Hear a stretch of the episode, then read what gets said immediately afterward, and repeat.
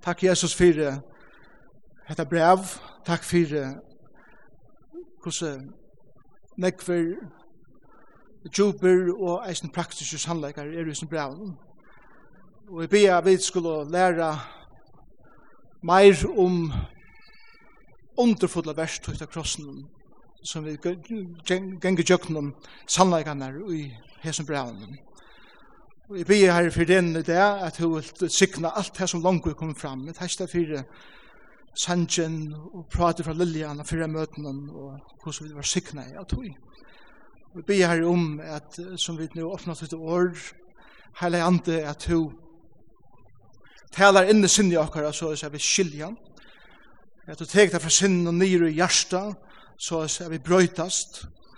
Og at du tek det fra hjertet ut ur fingrasbusjen der, så er vi brøytast vera gerar årsin, så ikkje bærs høyrar i tess.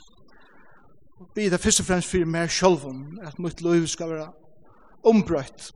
Meir og meir er lujast her, som årene genga. Takk til fyrir alt det som er kommet saman i det. Takk til fyrir samkomna. Og vi blir med til å sikna okkur fram etter. Vi hjelper okkur at tåra og ha dirve a genga i tunne fotasporen. Korsene vi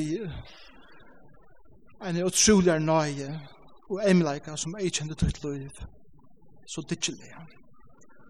Prøys og ære ved tøyt navn, elskar Jesus. Amen.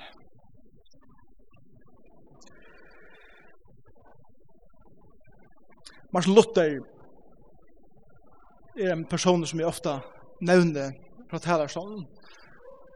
En av munnen firemendun. Særlig at det kommer til hans dirve hver han bär, hva han tørte at gjøre. Mars Luther var deia, deia trøtter av lovlærerne og religiøse sivennene og de politiske motrunnen som ei kjente kristendommen og hans tøy. Han vittna i den rådenskapen hver kyrkja lumpa i pengar og okner fra følsenen vi har få det å kjeipa syndafyrikjeving.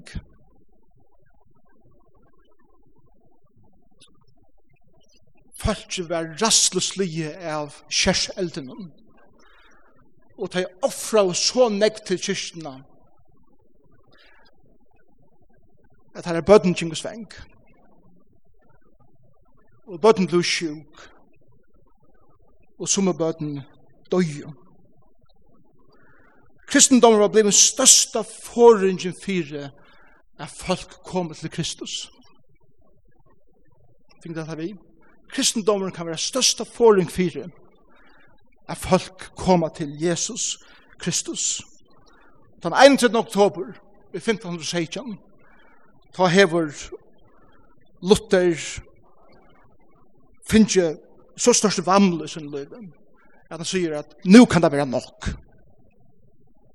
Nu kan det være nok. Så gjerne foran vi hemmara og naklund og papur i håndene, opptrappnar i domkyrkjen i Wittenberg, og han leldet her fem av fems tesner av kyrkjehorna, og vi hesson bjauar han pava og presten av. Jeg kommer at tåsa om fem av fems spurningar som han heier. Vi viser han lærerne og løyvene og i kyrkjene og kristendommen ta. I all spurningene i trobåtene var skal menneskene være rettforskjørt i forgode av verskom, eller er det av trygg Og Så la spyrja jeg trobåten. Trobåten var først og fremst en langsel å komme attor til det reina og det sanna evangeliet. Og ta i Luther byrja jeg trobåten, byrja jeg en tilgångt her ratta var oppe og alt det skaiva og det åreina som vi tog gjennom vi har kommet inn og i kristendommen og til skivendene. Og trobånden var en underfull byrjan at minna folk og at det underfulla som god til gjørst i menneskjallivet og samtidig spyrst en vogn om at god skal av nudjon færre a skapa nega underfullt og vekkust i menneskjen som kom til trygg av Jesus Kristus. Du spyr jeg spurningen er kristendommer og akkara døven bliven største forrige for at mennesker kommer til Jesus Kristus. I kristendommer og akkurat døven blir den største forunge for at folk innskja hele tiden er kommer kjenne Jesus som tar personlige frelsere. Jeg tror ikke åkken å komme og si nu kan det være nok. Lotte sier ikke bare, nu kan det være nok, men han sier, Kristus er nok. Og tog ikke åkken reisende kommer og sier, nu kan det være nok, tog Kristus er nok. Jeg er så deg jeg trøyter av at åpne sjåvarpe eller bløyene og, og, og, og, og nesten kvarjer for avlåpen av omkron skitten og vemmelige ungeren som såkallet kristne leier er, og organisasjoner er involveret i og så la jeg skapa en stor hindring for de som vil innskjær fylgjøs ved Jesus. Jeg får bådskapen om karlaga Jesus er, og ta livet som vi kristne eier at livet ut. Jeg tror vi er først og fremst med god ledja en langsul i okken er komme atter til det ratta og det sanna og det reina evangeliet. Evangeliet som Jesus prædikar og levde, da han sier dette i Lukas 4, jeg kunne ikke fatøkken evangeliet. Jeg grua henne i hjertabrotten om. Jeg bare fengum på om at her skulle være sett fryer. Lad den latne leiser. Jeg sitter kua fry. Jeg gjør blinden sjån. Kunjera. Maje år. Maje tøy. Maje løyv. Herrens. For öllum menneskjum, öllum folkavsløvum, er det her som vi er kallar i til. Galaterbrevet er den stora trubåten av Paulus er døren. For han sier, nu kan det være nok. Toi Kristus er nok. Og i Galaterbrevet tepper han hans her lovlæreren som kommer inn, Lyga fra fyrsta kapitlet, og alla vegin jobna anna kapitlet hver han fortalt sunna søve setter en munnkurv av hese lovlærerne som har sagt at hun skal gjøte for å kristen og for å komme å kjenne Jesus Kristus som tog inn frelsere. Så Jesus lette dem slå på Galaterbrevet kapittel 2. Og det er det bare tvei vers, kanskje bare særlig ett vers som er for hitje etter det. Galaterbrev kapitel 2, vers 15 og vers 16. 16. vers er et av likla versen i Galaterbrevet. Så at første fyr i Galaterbrevet vil rattvurskjering vi trygg eh, introducera. Det vil si det samme som at ta ui hetta vil nevnt trutja fyr i ene verset. Trutja fyr i ene verset. Så sier man, wow, hetta er viktig. Og til tog innskje at det kan tog til det her i det. Galaterbrevet kapitel 2, vers 15. Vi er av naturo, da naturo, gjøtar, og ikkje syndarar, og hettnar er at. Paulus vil ha spaskur her, men skal lesas øyla sparkst. Ser styk tjó er vi til gjøtaner, ikke som hundaner, hettnar, syndar her ute, så det er ikke så stolt der er. Paulus brukar spaissimme, spaissimme, og i sånne her versen.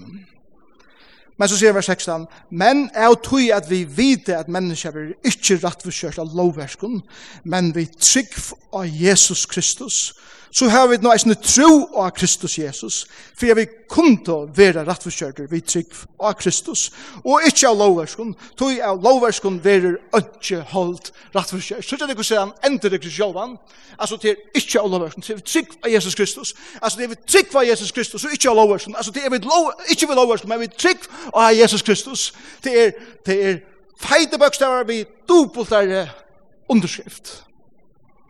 Det er det som Paulus røyner sier okken i sin versen. Det er ikke av lovverskon at en menneske verer rattforskjørt for gode, men det er vi trygg, og at det er versk som Jesus har gjørst av Golgata krosset. Det er versk pluss ønske anna. Kristus er nok. Bøy hva respons i her blant.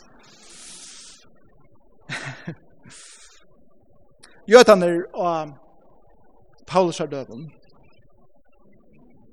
Og Arjen sjåvande, han til Høttet til best og atsonalige skipene i verden. Det jødiske tilbjørende systemet. Der høttu bare en lagt det. For tryggvande jødene som var kommet til tryggva i Jesus, men alle helt i Moselov, bæg i Jerusalem og Antioquia og eisen tøy som var kommet til Galilea. Søttu at de funnet Jesus døy av krossen og trygg vi endelig han, men lovvarversk skulle til. De skulle bliva jötar, de skulle omskjeres, de skulle halda okkar medvenner, de skulle halda okkar sier, og så videre. Om de skulle eisne kunne kalla det om kristner. Godt at sikra Jesus, men minst til. Minst til. Det er ikke andre ting som skulle til, sier jeg her. Paulus stafes ena for enn i hesen versen, at kære jötar, tid hava rønt, og tid hava rønt, og tid hava atter rønt, og tid er bara meira frustreret, tid er ikke meira andalir. Og tid er finnes ikke egen og fire at, at tid klarer det ikke sjolver, og tid er det kommer, og tid er bakt det kun fire og tid er givet ikke liv til han. Enda malet vi lovene er ikke å frelse mennesker, enda malet vi lovene er å vise hvordan hjelperleis mennesker er og utan så at Kristus kommer sin nøye inn og gjør hun kraftene at livet andalige liv. Loven dømer, fordømer. Rattforskjering at trygg seder mennesker i fralse er det som Paulus sier i vers 16. Rattforskjering at trygg. Hva er bibelsk rattforskjering? Det er juridisk ord av rattforskjørter. Det er støva syndarens fyrir gode. Rattforsyning er nekka som gode gjer vi okkom, ikke nekka som vi er en parste av. Til fra er vi er fordømter til det sanda fri kjenter. Jeg vet ikke tiden nekka steg i fyrir at og dømt og så knapt jeg fri kjent. Men til det som, til det som her er, er, er prekvavur sekur. Domaren kommer og sier to erst frikjentur til en annan utidgjent henne straff. Amen. Det gjør det Jesus fyrir okkum. Det er sånn at til å være løster fra tseldom syndarene, til å være bunden inn i disse fengasellene som det tås om, og være tidsin ut til henne inn i det fralsa, friska landet per god byr okkum. Anda luftena som er her ute, og liva og dansa vi honom. Vi i verslene som han bjør okkum inn i. Jeg vil ha bunden, og så gjerne at oppleve å være løster. Jeg vil ha fortapt, eller fra jeg var fortapt til å være nå råkna over heilaver. Fra jeg var seker til å være firegiven. Det er verset som god gjør, rattforsering, en gava som god gjør av sånne nøye ein og kvarjon som sier, et sikve, at det som Jesus gjør det for meg av krossen.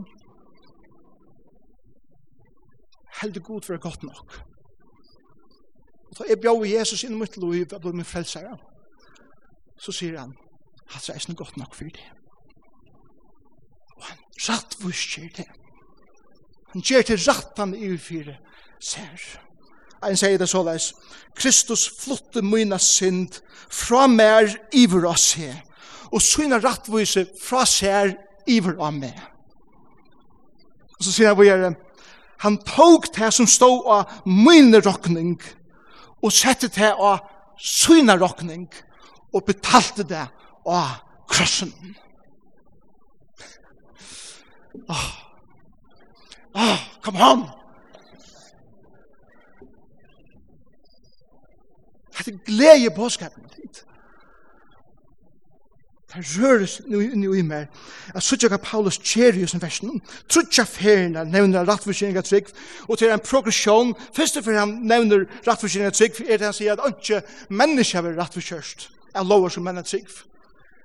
Det er et generelt hodtag, et og hvert menneske, vil ikke rattforsyning av trygg, av lover som menn er trygg. Men så sier han er for, nå blir det personligt, vid vil ikke rattforsyning av lovarskum, men vi trykva Jesus Kristus.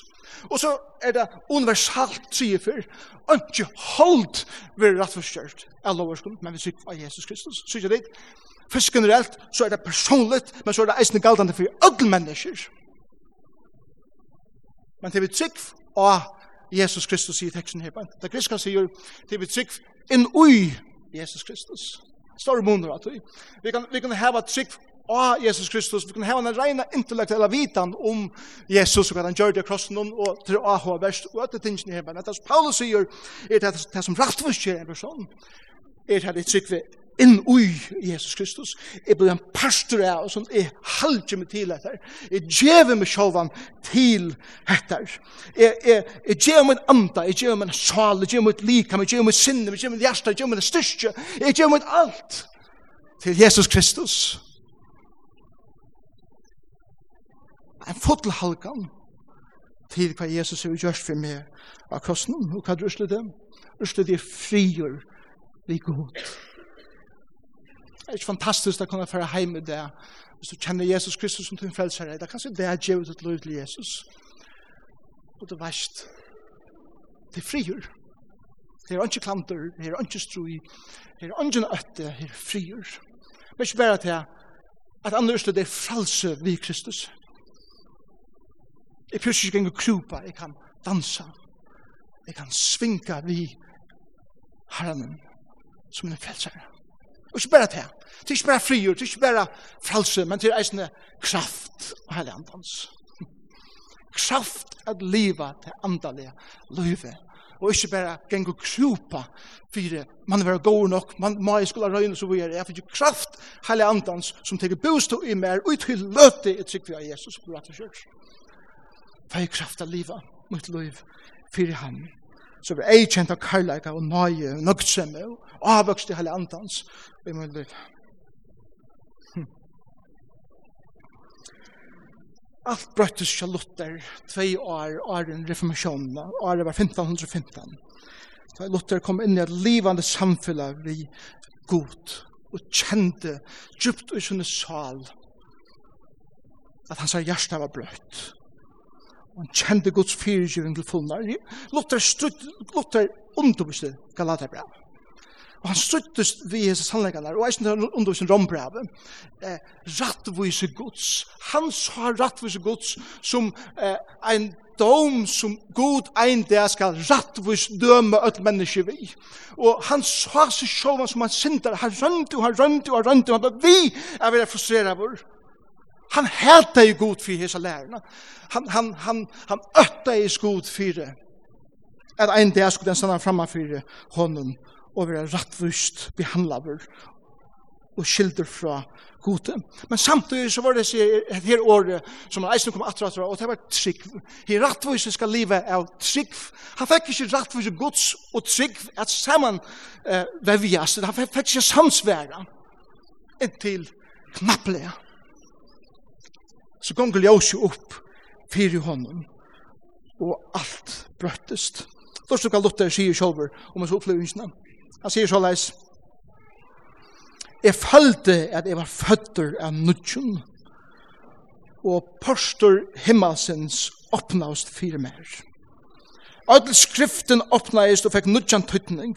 Fra hese stund kom sannleisen om rattvis og gods, ikkje fytla meg vi ötta og hætre mot det gode, men blei, blei herret motor en åsigande og søter sannleikin fyrir mer, og fylte meg vi karlaga og glede og frie. Det er litt søve om Luther. Jeg vet ikke om hun passer. Hun passer nok ikke, men hun er nok så fitt alltid. Og det, er at jeg kvalitet ta, og han kommer å kjenne Jesus som frelser. Og så blir han så glad for, han er midt inne i klassen, det er midt på nattene, at han får å renne rennende ut og kommer inn i kapellet, der kyrkene her, av klassen som han er, og til pøla mist, og han detter om akkurat, og, og som han detter, så får han fæt i en bande som hunker nye i loften. Dette bandet er bandet som gjør at kyrkjeklokken er ferdig rinja. Og vum, og, og kyrkjeklokken er ferdig rinja, mitt om nattena i klossen, og all bygden der bøyer og høyre her, og det er bare en så god mynd av tøy som ei kjente himmelen til det glede i himmelen, og kanskje der som vender vi. Og eisne gledene som vær i løyvene til Luther, er å komme å kjenne Jesus, for fra nå er skilte Luther. Er rattvise Guds er ikkje domer Guds i mennesker, etter at mennesker skal røyna vi verskun, er vinna seg rattvise.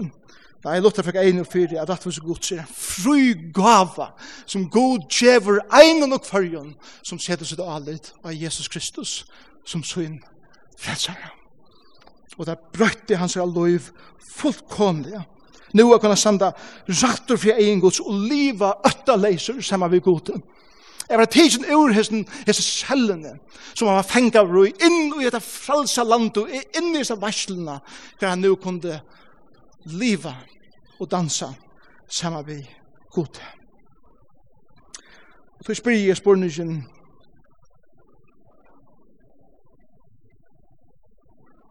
hva er okkara rattvåseskjeringslister? Hva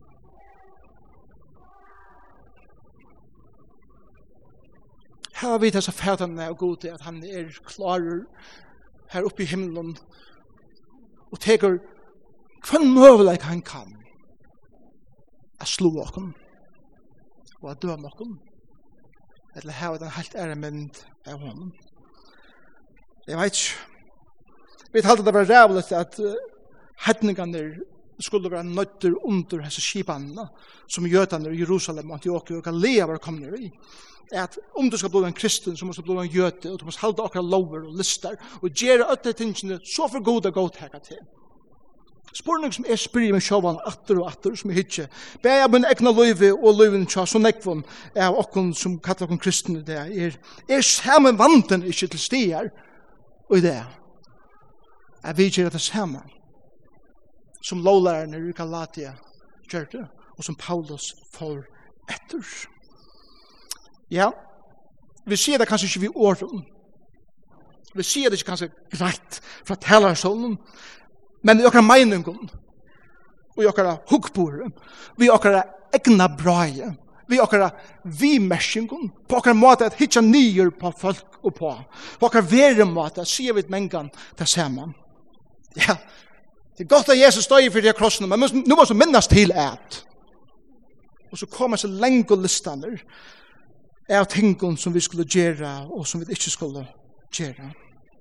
Det er deilig at Jesus døg for det krossen, men det må vi minnes til at brøtta løsdøy, genga møte, lesa Bibelen, bia, hava rata viner, djeva dem fatøk, stola bøtten i tria heimen, djevas vi at hekka luivet så lagt, djevas vi hæsson, djevas vi hinun, byrja på hattar og byrja på hitt.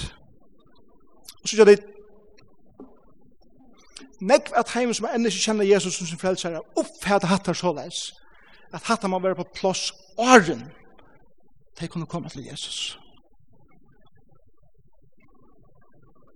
Og tror jeg det er så mange ringt at få folk inn i okkar samkommer og kyrkjer, til å si at jeg kan ikke komme til tikkere for jeg finner alle disse tingene på plass. Og jeg vet at det er ikke det som vi mener, men mange det som, som de skilja til det hitja er dere. og så kunne vi styrtja folk bort fra Kristus vi okkara lovar og lista kristendom. Jeg vet at flere innskje er at kjenne Jesus som sin frelsere. De klarer bare ikke å leve opp til det som de halte at de skulle gjøre først.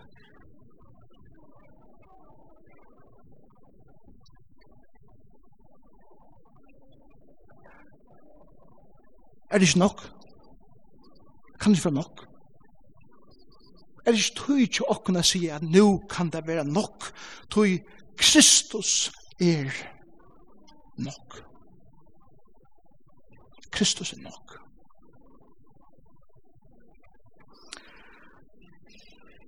Så god er det bare en vever, og det er Kristus.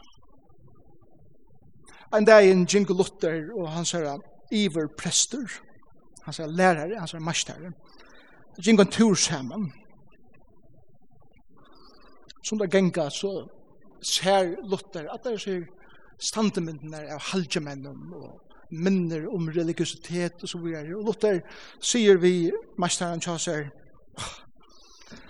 kunne det ikke bare steppe okken av vi at det er standemyndene av sånne halgemenn og, og, og, og det er bare forstyrra folk. Mesteren, jeg synes det er skjemmer, og sier vi Luther, ja, men altså, hvis vi, hvis vi tega alt dette her fra folkene, hva skal vi også gjøre dem i stegen? Og Luther sverer så lest. Kristus. Kristus.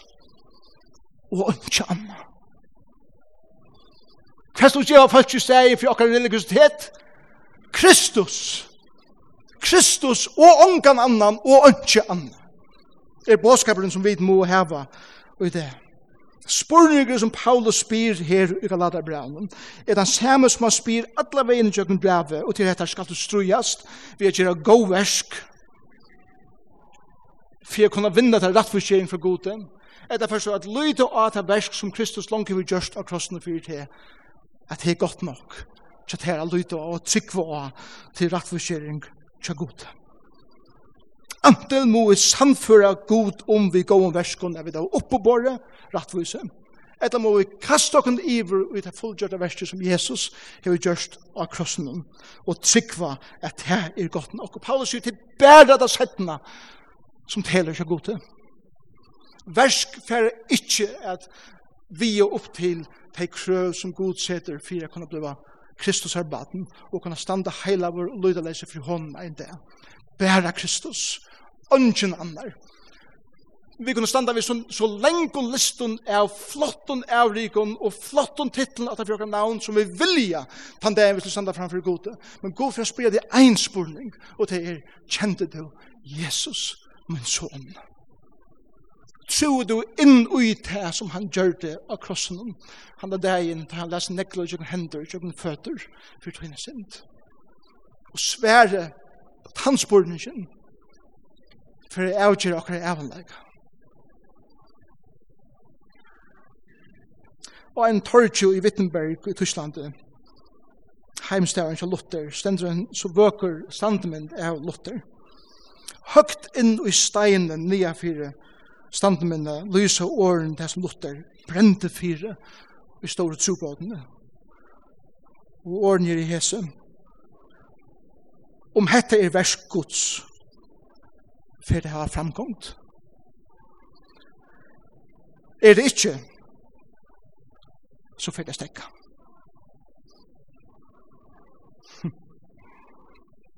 Og så la seg Luther, nu kan det være nok. Toi Kristus er nok. Og han blei åtta mer og fire at endreisa bibelska bådskapen om at menn og kvinner, lyga mykje hver du erst, kunne komme inn i samfunnet ved Jesus Kristus og være rattvurskjørt fyrir asjon Guds. Hette er mulig av nøye eina, vi trygg eina og i noen Kristus eina. Ønskja. Hva er det Luther sagt vi åkne det? hvis han stod og tala sånn her i morgen. Han har sagt seks ting. Løys til for lovlæro vi at leta sannleggen om Kristus seta til frujan.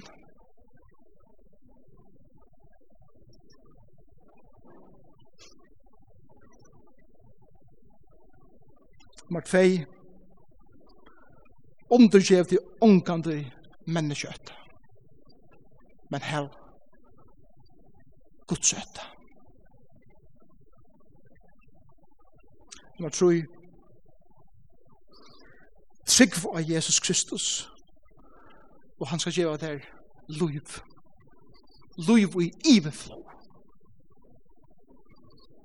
Nummer fyra, halga til, til at kunngjøre fatøkken hjertabrotten, fengun, blindun og kuavun evangeliet. Det regner og det sanna evangeliet om Jesus. Nummer fem.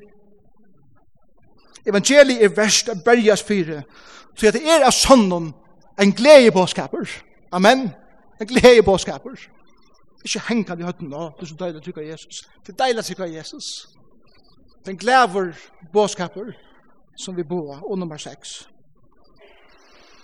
Rattforskjering er gava gods, utan mån til for to erst.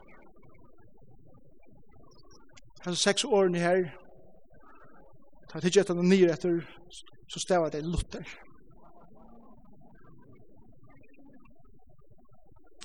Er så her det er kære vinner, kanskje hefur du tid til dyrve og at det er å komme her, kanskje første ferie, eller, eller så. Vi håper det først en og fyr det, at vi ikke går så videre i leden, det er ikke går så videre oppfører kun, det er ikke det heldig at du skal leve opp til, og er Kristus gåtegget til. Kristus gåtegget til akkurat som du erst. Vi er født spillnætjen inn i hendan heim. Folk kommer hjelpersleis. Og så kunne vi komme til han. Anki sjå, anki jeg skulle utinna, kvile ui at det som Jesus gjør for meg krossen er godt nok, for god. Og tega mot hon som hun er og sier takk Jesus for at du døy for mina sin, et sikk for inn ui til, tjeve meg til tøyen, og i lui til at det som to har gjørst er godt nok. Og til at lui skal være ombrøtt, hva skal være ikke det her store kjenslene og alt det der, som vi har det som vi har det ikke. At et navn skal være skriva i løsens bok hjemme i himmelen. Jesus får spyrja til henne, jeg kjenner du min son? Og du kan si, ja, jeg kjente han. Og Gud kan si, sier, jeg er kommet inn i verslene. Jeg er kommet inn i dansen. Han er ved. Jeg er kommet inn i dansen samfellegi, fellesskapet, til heimen, som kjente Jesus. Jeg husker om okken som kallar okken kristin, som har møtt Jesus som okkar personlige frelsere. Kan det være at okkar egna bra, maten vi er på, det her som vi utstråler, Det finnes jo som vi ikke sier, kan være at de største forholdene for at mennesker kommer og tøyme, jeg kommer kjenne Jesus som tar en frelser. Det er en rannsakende bådskaper for åkken, brevet for bænt innan merk etter øtlen hæsson. Det måtte være så at vi tåra er standa opp, som Luther tårde er standa opp, og i åkker er tøy, og sier, nu kan det være nok vi først og fremst hittar det egna løyve. Og vi er samfører hjertan om at Kristus er nok til at mennesker kan komme og kjenne god som tar affærer. Om at jeg var den første som tår det, Jeg peker av hvordan mengen er fordømende, samtidig for menneskene og hitjen lyra til. Om at jeg har en fyrtjummer for jeg gjør det til. Ikke jeg skal være en forring for det mennesker, for jeg elsker Jesus. Og jeg sier vi til en for en som er stedet her og ikke kjenner Jesus til en frelsere. Fyre jo okkur, hvis vi standa som sånne fyre, dømmer, fyre tikkum, at det er ikke hoa kommer kjenne Jesus. Jesus elskar te, og han gav sitt liv fyrt te. Og helt til var verdt og verdt og verdt å dødja fyrt. Han bjør at jeg kom inn i samfunnet vi ser, og i det, her og nå, akkurat her som du sitter, at du bjør henne inn. Vi skal be sammen. Takk Jesus for det. Henne båskapen i Galaterbraunen om at vi er rett for kjørt ved trygg av Jesus. Takk for menn som Luther som tør å trakke ut og sier nå kan det være nok. Vi ber meg til å reise menn og kvinner opp i akkurat høy som tør å gjøre det sammen feil, feilande, sånn jeg biler kjøkken, det er sånn jeg som gjør skreft. Man lukker at håret. Jeg ser det år, og det som vi vet er skreft, det er i akkurat løyve. Og i ødelen tog som får av menneskene at tøyma er kjenne Kristus. Jeg ber her om at det som båskapen skal være lagt djupt inn i akkurat hjertet. Og vi vet at i det öll som for ein og fire er Kristus. Jesus Kristus er nok. Amen.